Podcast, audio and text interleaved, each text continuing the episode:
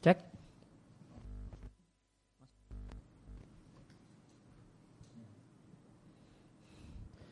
Alhamdulillah wassalatu wassalamu ala rasulillah wa ala alihi wa sahbihi wa man tabi'ahum bi ihsanin ila yaumidin amma ba'd kaum muslimin dan muslimah rahimani wa rahimakumullah kembali kita lanjutkan membaca dan mentalaah buku Arisku Abwabuhu wa Mafatihuhu karya Abdul Malik Al-Qasim hafizallahu taala kita masih di halaman 27 di paragraf yang terakhir. Wal yawma dan di zaman ini waqad kasura al ghishu penipuan itu demikian banyak wal khida' demikian juga tipuan itu demikian banyak dalam realita kehidupan sebagian manusia. Nadura sehingga langka Anda jumpai orang yang jujur, aswaduk orang yang jujur dalam menunaikan dan menjalankan amanah. Mubta'id menjauhi anil ghishi wal khadi'ati. Tipuan dan tipuan. Meskipun dampak dari maksiat itu jelas dan telah diketahui di akhirat fa'ina ma'alaha maka sesungguhnya dampak dari maksiat di dunia itu lebih dekat lagi disebutkan bahasanya Umar bin Khattab radhiallahu anhu di masa pemerintahannya melarang madkil lab, labani bil ma'i, mencampur susu dengan air. Madkul laban artinya masjuhu bihi, mencampur susu dengan air. Maka pada satu malam Umar uh, keluar dari rumahnya fi hawashi al-Madinah. Jalan di pinggiran kota Madinah. Faidah ternyata Umar menjumpai seorang perempuan berkata kepada anak anak gadisnya. Tidakkah engkau campur susumu yaitu dengan air sungguh waktu pagi telah tiba. Ya, maka sang gadis mengatakan, bagaimanakah aku campur padahal Amirul Mukminin melarang mencampur susu dengan air. Sang ibu mengatakan banyak orang mencampur susunya, maka campurlah. Amirul Mukminin tidak mengetahuinya. Sang gadis mengatakan jika Umar tidak mengetahuinya maka ilahnya Umar mengetahui makuntu mengetahui makuntu tidaklah aku melakukannya sedangkan beliau telah melarangnya. Maka ucapan gadis ini merasuk ke dalam hatinya Umar sehingga Umar memanggil Asim anak laki-lakinya dan mengatakan Wahai anak laki-lakiku, pergilah ke daerah demikian dan demikian. Tanyakan tentang anak perempuan. Kemudian seorang anak perempuan, seorang gadis. Umar kemudian mendeskripsikan gadis tersebut kepada Asim. Pergilah Asim. Ternyata gadis tersebut adalah gadis dari Bani Hilal. Lantas Umar berkata kepada Asim, pergilah wahai anakku, nikailah gadis tersebut Fama ahroha betapa layaknya gadis tersebut akan mendatangkan jago penunggang kuda yang akan memimpin atau akan jadi sayyidnya orang Arab. Asim bin Umar pun menikahi gadis tersebut. Lantas fawaladat lahu Ummu Asimin binti Asim ibn Umar bin Khattab. Maka perempuan tersebut uh, melahirkan Ummu Asim. Uh, anak perempuan diberi nama Ummu Asim binti Asim bin Umar bin Khattab. Dan Ummu Asim ini nanti dinikahi oleh Umar bin Abdul Aziz. Eh, nanti akan dinikahi oleh Abdul Aziz bin Marwan bin Hakam. Dan pernikahan dari Ummu Asim dengan Abdul Aziz atas melahirkan Umar bin Abdul Aziz. Maka ini menunjukkan kesudahan yang baik bagi orang yang jujur, bagi orang yang taat. Adapun dampak harta yang haram maka jelas wa ingkana al-malu qalilan meskipun harta itu sedikit dan orangnya adalah orang yang berjihad di jalan Allah. Dari Umar bin Khattab radhiallahu anhu dan mengatakan tatkala perang Khaybar Akbala datanglah sejumlah sahabat Nabi Shallallahu Alaihi Wasallam sambil komentar fulan mati syahid, fulan mati syahid. Hatta maru sampai mereka melewati seorang lantas mereka komentar fulan syahid namun Nabi Shallallahu Alaihi Wasallam mengatakan kalla sekali-kali tidak. Ini roa itu sungguh aku melihat fulan tersebut di neraka gara-gara satu lembar kain ghallaha yang dia ambil sembunyi-sembunyi. Burdaten artinya abayata, abaatan yaitu satu lembar kain. Lihatkan oleh muslim. Aina nahnu min haula di mana kita dibandingkan mereka-mereka.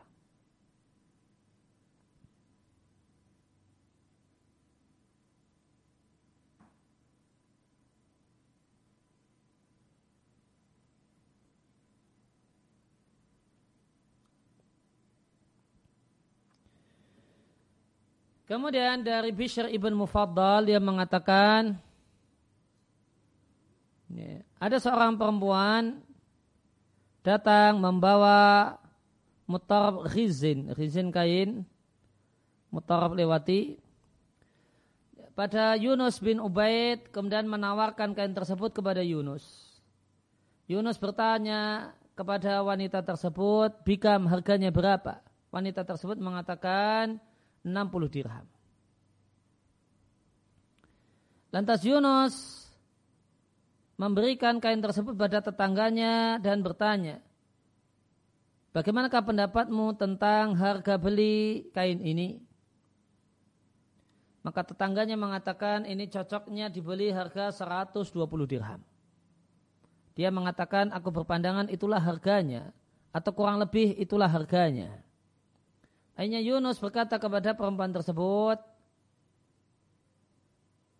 ya, pergilah mintalah saran pada keluargamu untuk menjual kain ini gimana kalau dijual seharga 125 dirham. Ya, padahal tadi ditawarkan 60 dirham saja. Ya, maka ini calon pembelinya bukannya nawar lebih rendah, namun malah nawar lebih mahal. Penjualnya bilang ini 60 dirham, ini mau dibeli gimana kalau dibeli 125 dirham? Ya, 100 ya, kali lipat.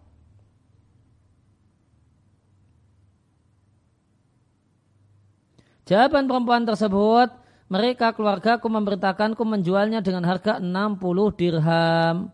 Hanya terjadi perdebatan. Ini saya cukup 60 dirham enggak? Gimana kalau saya beli 125 dirham? Hanya Yunus masih ngotot irji'i, ayo kembali. Silahkan kembali, mintalah saran pada keluargamu kalau gimana kalau dijual 120 dirham. Nah, ini terjadi pertengkaran bukan untuk menurunkan harga namun malah untuk menaikkan harga. Aina nahnu min haula'i. Di mana kita dibandingkan mereka-mereka dalam menginginkan yang terbaik untuk saudaranya. Dalam hal ini ya, saudaranya yang jualan, saudaranya yang berjualan. Tidak ingin dia rugi dan ingin supaya dia untung. Sehingga penawarannya bukan lebih rendah namun penawarannya lebih mahal.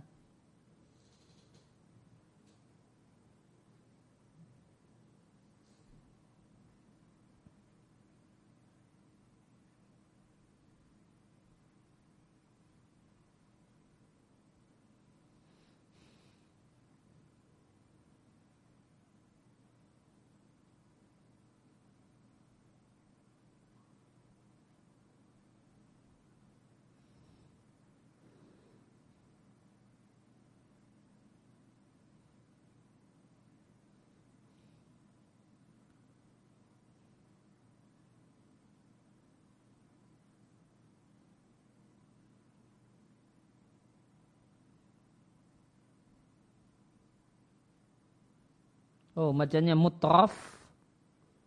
Mutraf ridaun au thawbun kain min khazin dari sutra murabba segi empat dul a'lam punya uh, garis-garis.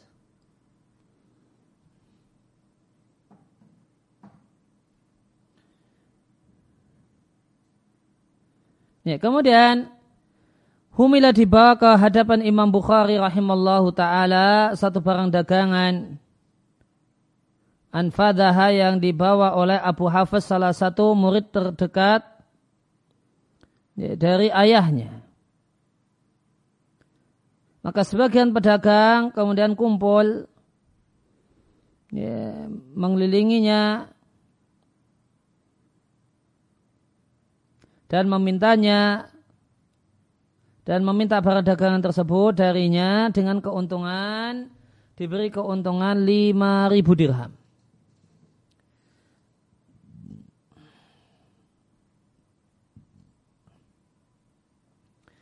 Ya, akhirnya singkat ceritanya belum diiakan, silahkan bubar malam ini.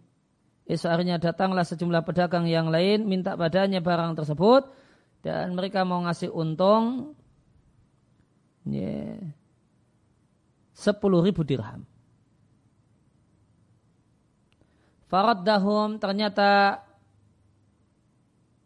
ya, beliau menolaknya dengan mengatakan aku telah berniat semalam untuk menyerahkannya kepada pedagang yang pertama.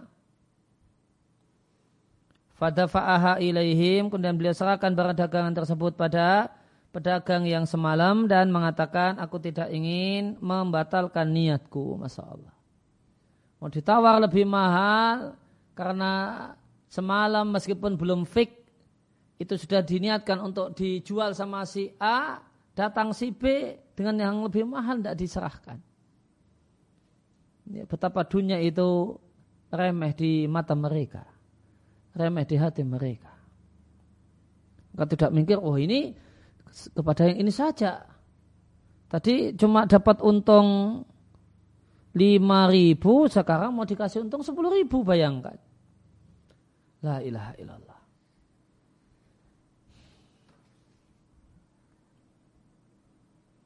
Maka adalah beliau rahimahullah ta'ala ingin membiasakan dirinya untuk mengutamakan orang lain. Dan menjauhi sikap cinta, sifat cinta harta yang tergolong merupakan sifat yang jelek. Ya, kan betapa banyak kita melihat orang yang mengumpulkan harta dan dia tidak menikmatinya. Dia pertahankan harta tersebut untuk orang lain yaitu untuk ahli warisnya dan dia habiskan dirinya dan dia hancurkan dirinya sendiri.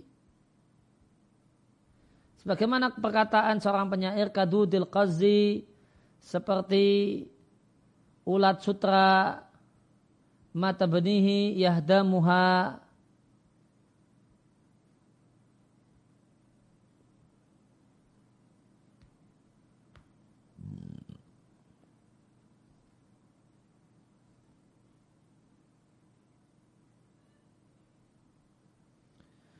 mata benihi apa yang dibangun oleh ulat sutra ini yahdamuha dia hancurkan.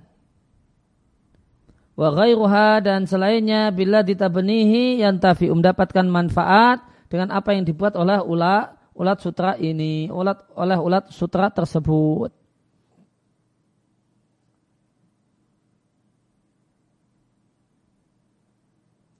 Ya, ringkasnya ulah sutra itulah yang bersusah payah, sutranya diambil dan dimanfaatkan oleh manusia.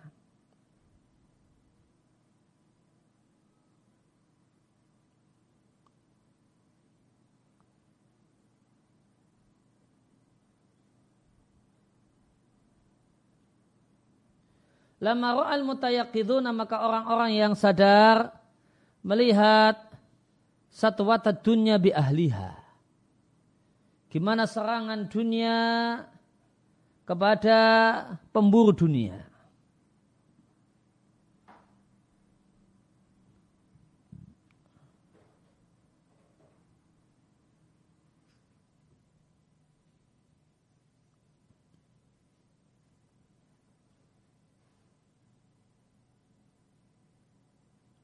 Ini kekuasaan, satwah kekuasaan serangan yang keras, ya, serangan yang keras. Wa khida'ul amali li arbabihi dan bagaimana angan-angan itu menipu orangnya. Ya, dan berkuasanya setan dan tegaknya jiwa dan mereka melihat kekuasaan itu dimiliki, dipegang, dikendalikan oleh jiwa yang majak pada kejelekan. Maka mereka akhirnya berlindung ila hisni tadarru'i pada benteng yang kokoh namanya merendah wal iltija dan mengadu kepada Allah. Sebagaimana seorang hamba yang ketakutan berlindung pada perlindungan tuannya. Wahai saudaraku seorang muslim. Tidaklah seorang hamba mengambil maharum alaihi harta yang haram untuk dia nikmati kecuali karena dua alasan. Yang pertama, dia berburuk sangka dengan Rabbnya. Ya, dia beranggapan saatnya dia mentaati Allah Subhanahu wa taala dan lebih mengutamakan Allah Subhanahu wa taala dan lebih ya, dan lebih memilih ketaatan pada Allah, maka Allah tidak akan memberikan kepadanya yang lebih baik daripada hal itu. Yang halal, yang lebih baik yang halal. Kemudian sebab yang kedua kenapa orang nekat mengambil yang haram, dia mengetahui hal itu.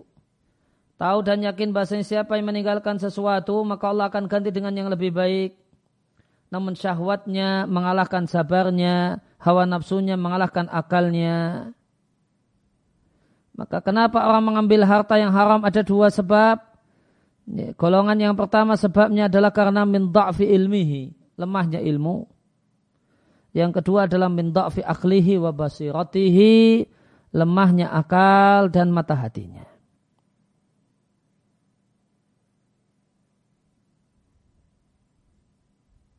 Yahya bin Mu'ad mengatakan, siapa saja yang Allah kumpulkan seluruh hatinya dalam doa, maka Allah tidak akan menolak doanya.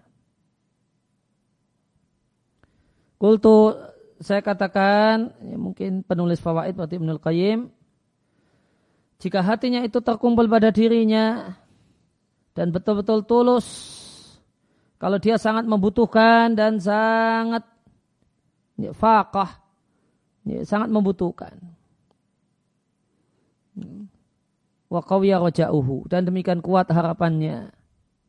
Fala yakadu yuraddu du'auhu maka hampir-hampir doanya tidaklah ditolak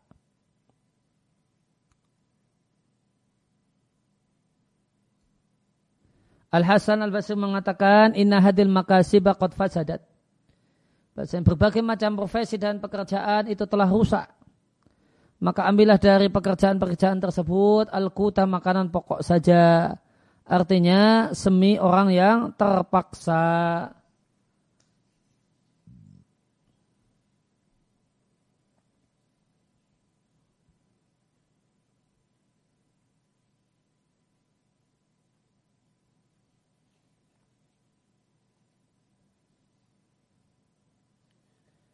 Kemudian uh, kita masuk ke halaman 32 kasratul mal wa nata wa natajuhu banyaknya harta dan dampaknya.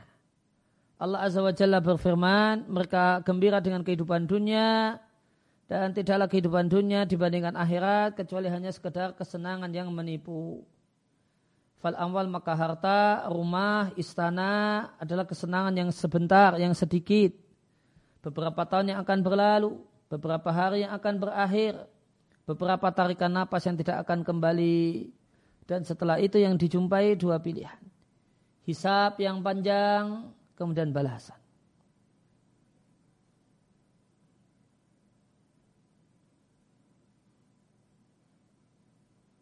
Khalid bin Safan mengatakan,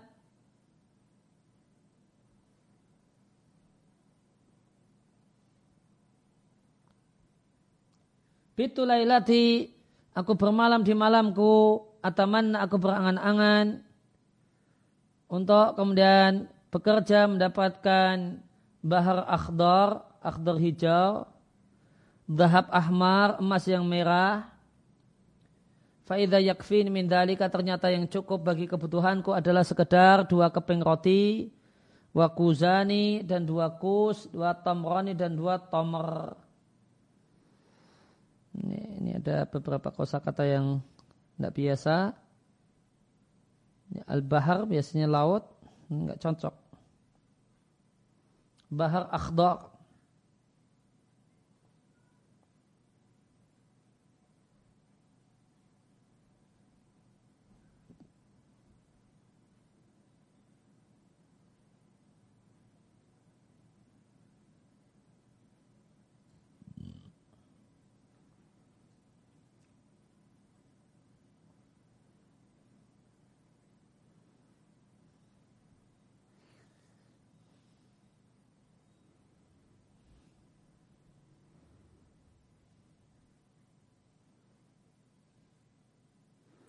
Mungkin bahar di sini satu jenis hewan laut. Jinsus samakin sejenis ikan. Dan emas merah ternyata cukup dua keping roti dan kuzan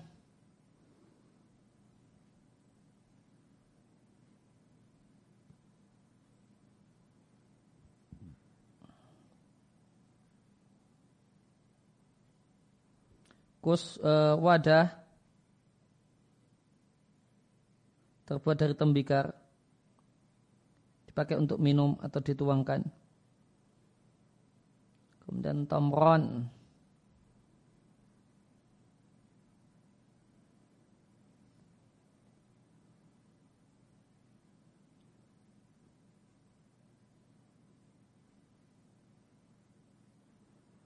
bacanya timron artinya kain yang jelek.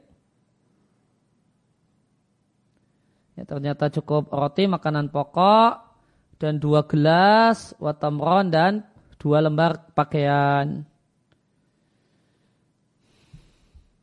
Ishak bin Jabalah mengatakan satu ketika Al Hasan bin Saleh masuk ke pasar dan aku menemaninya. Maka beliau lihat ada seorang yang menjahit orang dan orang yang kedua memberi warna dan beliau menangis. Beliau berkomentar, lihatlah mereka ya ta'allaluna hatta ya'tiyahumul maut. Mereka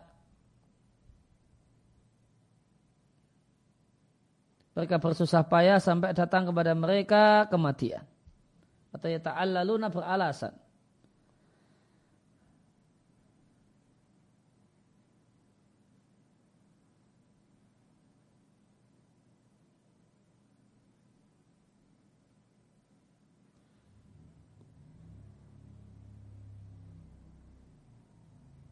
Oh, ta'ala bil amal mungkin ini. Talaha maknanya. Asik. Asik dengan sesuatu. Ya, ini yang cocok. Talaha. Ya ta'aluluna mereka demikian asiknya dengan kegiatannya sampai tiba-tiba datanglah kematian.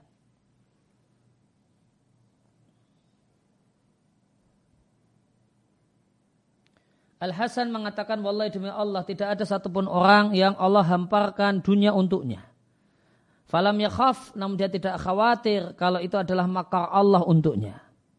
Kecuali telah berkurang amalnya dan lemahlah pendapatnya. Dan tidaklah Allah menahan dunia dari seorang hamba. Lantas dia tidaklah menyangka. Bahasanya itulah yang terbaik untuknya di dunia. Kecuali telah berkuranglah amalnya dan telah lemahlah pendapatnya dan adalah orientasi mereka orang-orang soleh terdahulu adalah akhirat. Ya. dan adalah mata mereka tertuju pada hari yang besar yaitu hari kiamat. Musa bin Al-Mughirah mengatakan aku melihat Muhammad ibn Sirin masuk ke dalam pasar di pertengahan siang. Beliau bertakbir bertasbih dan menyebut nama Allah Azza wa Jalla Maka ada orang yang berkomentar, wahai Abu Bakar, di jam seperti ini engkau berzikir. Kal beliau mengatakan inna sa'atu ghaflatin itu adalah waktu banyak orang yang lalai. Dan kaidah dalam masalah ibadah ingat pada Allah Subhanahu wa taala di suasana orang itu lalai dari mengingat Allah itu ganjarannya lebih besar. Malik bin Dinar mengatakan jadilah ketaatan kepada Allah sebagai bisnis niscaya datang kepadamu keuntungan tanpa perlu barang dagangan. Ya demikian yang kita baca kesempatan siang hari ini wasallallahu ala nabiyina Muhammadin wa ala alihi washabihi wasallam wa alhamdulillahi rabbil alamin.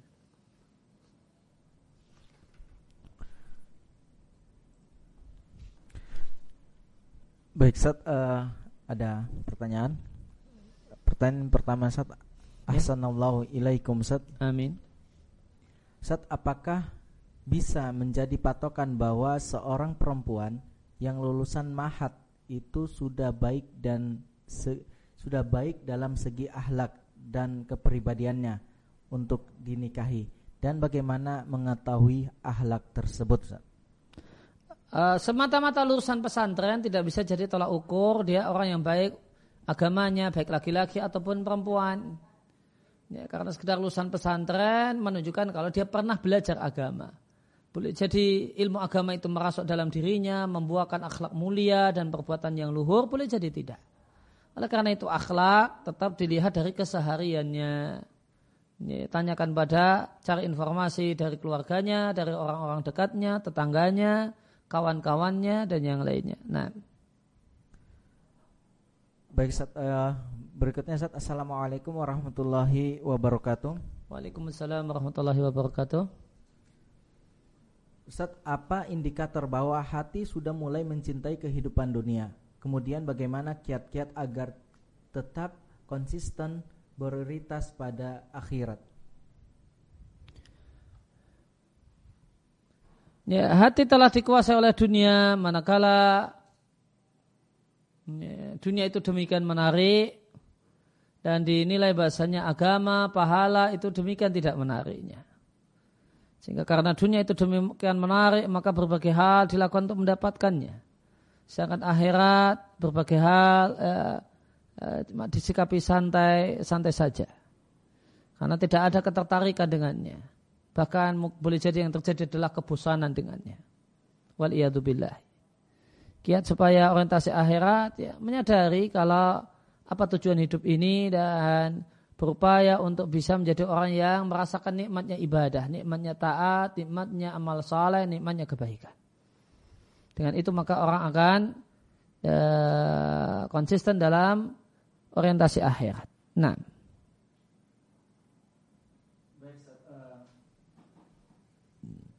Pertanyaan berikutnya saat Ana dan teman-teman Ana membeli barang online secara kolektif dan pembayarannya menggunakan uang salah satu dari teman yang juga beli terlebih dahulu.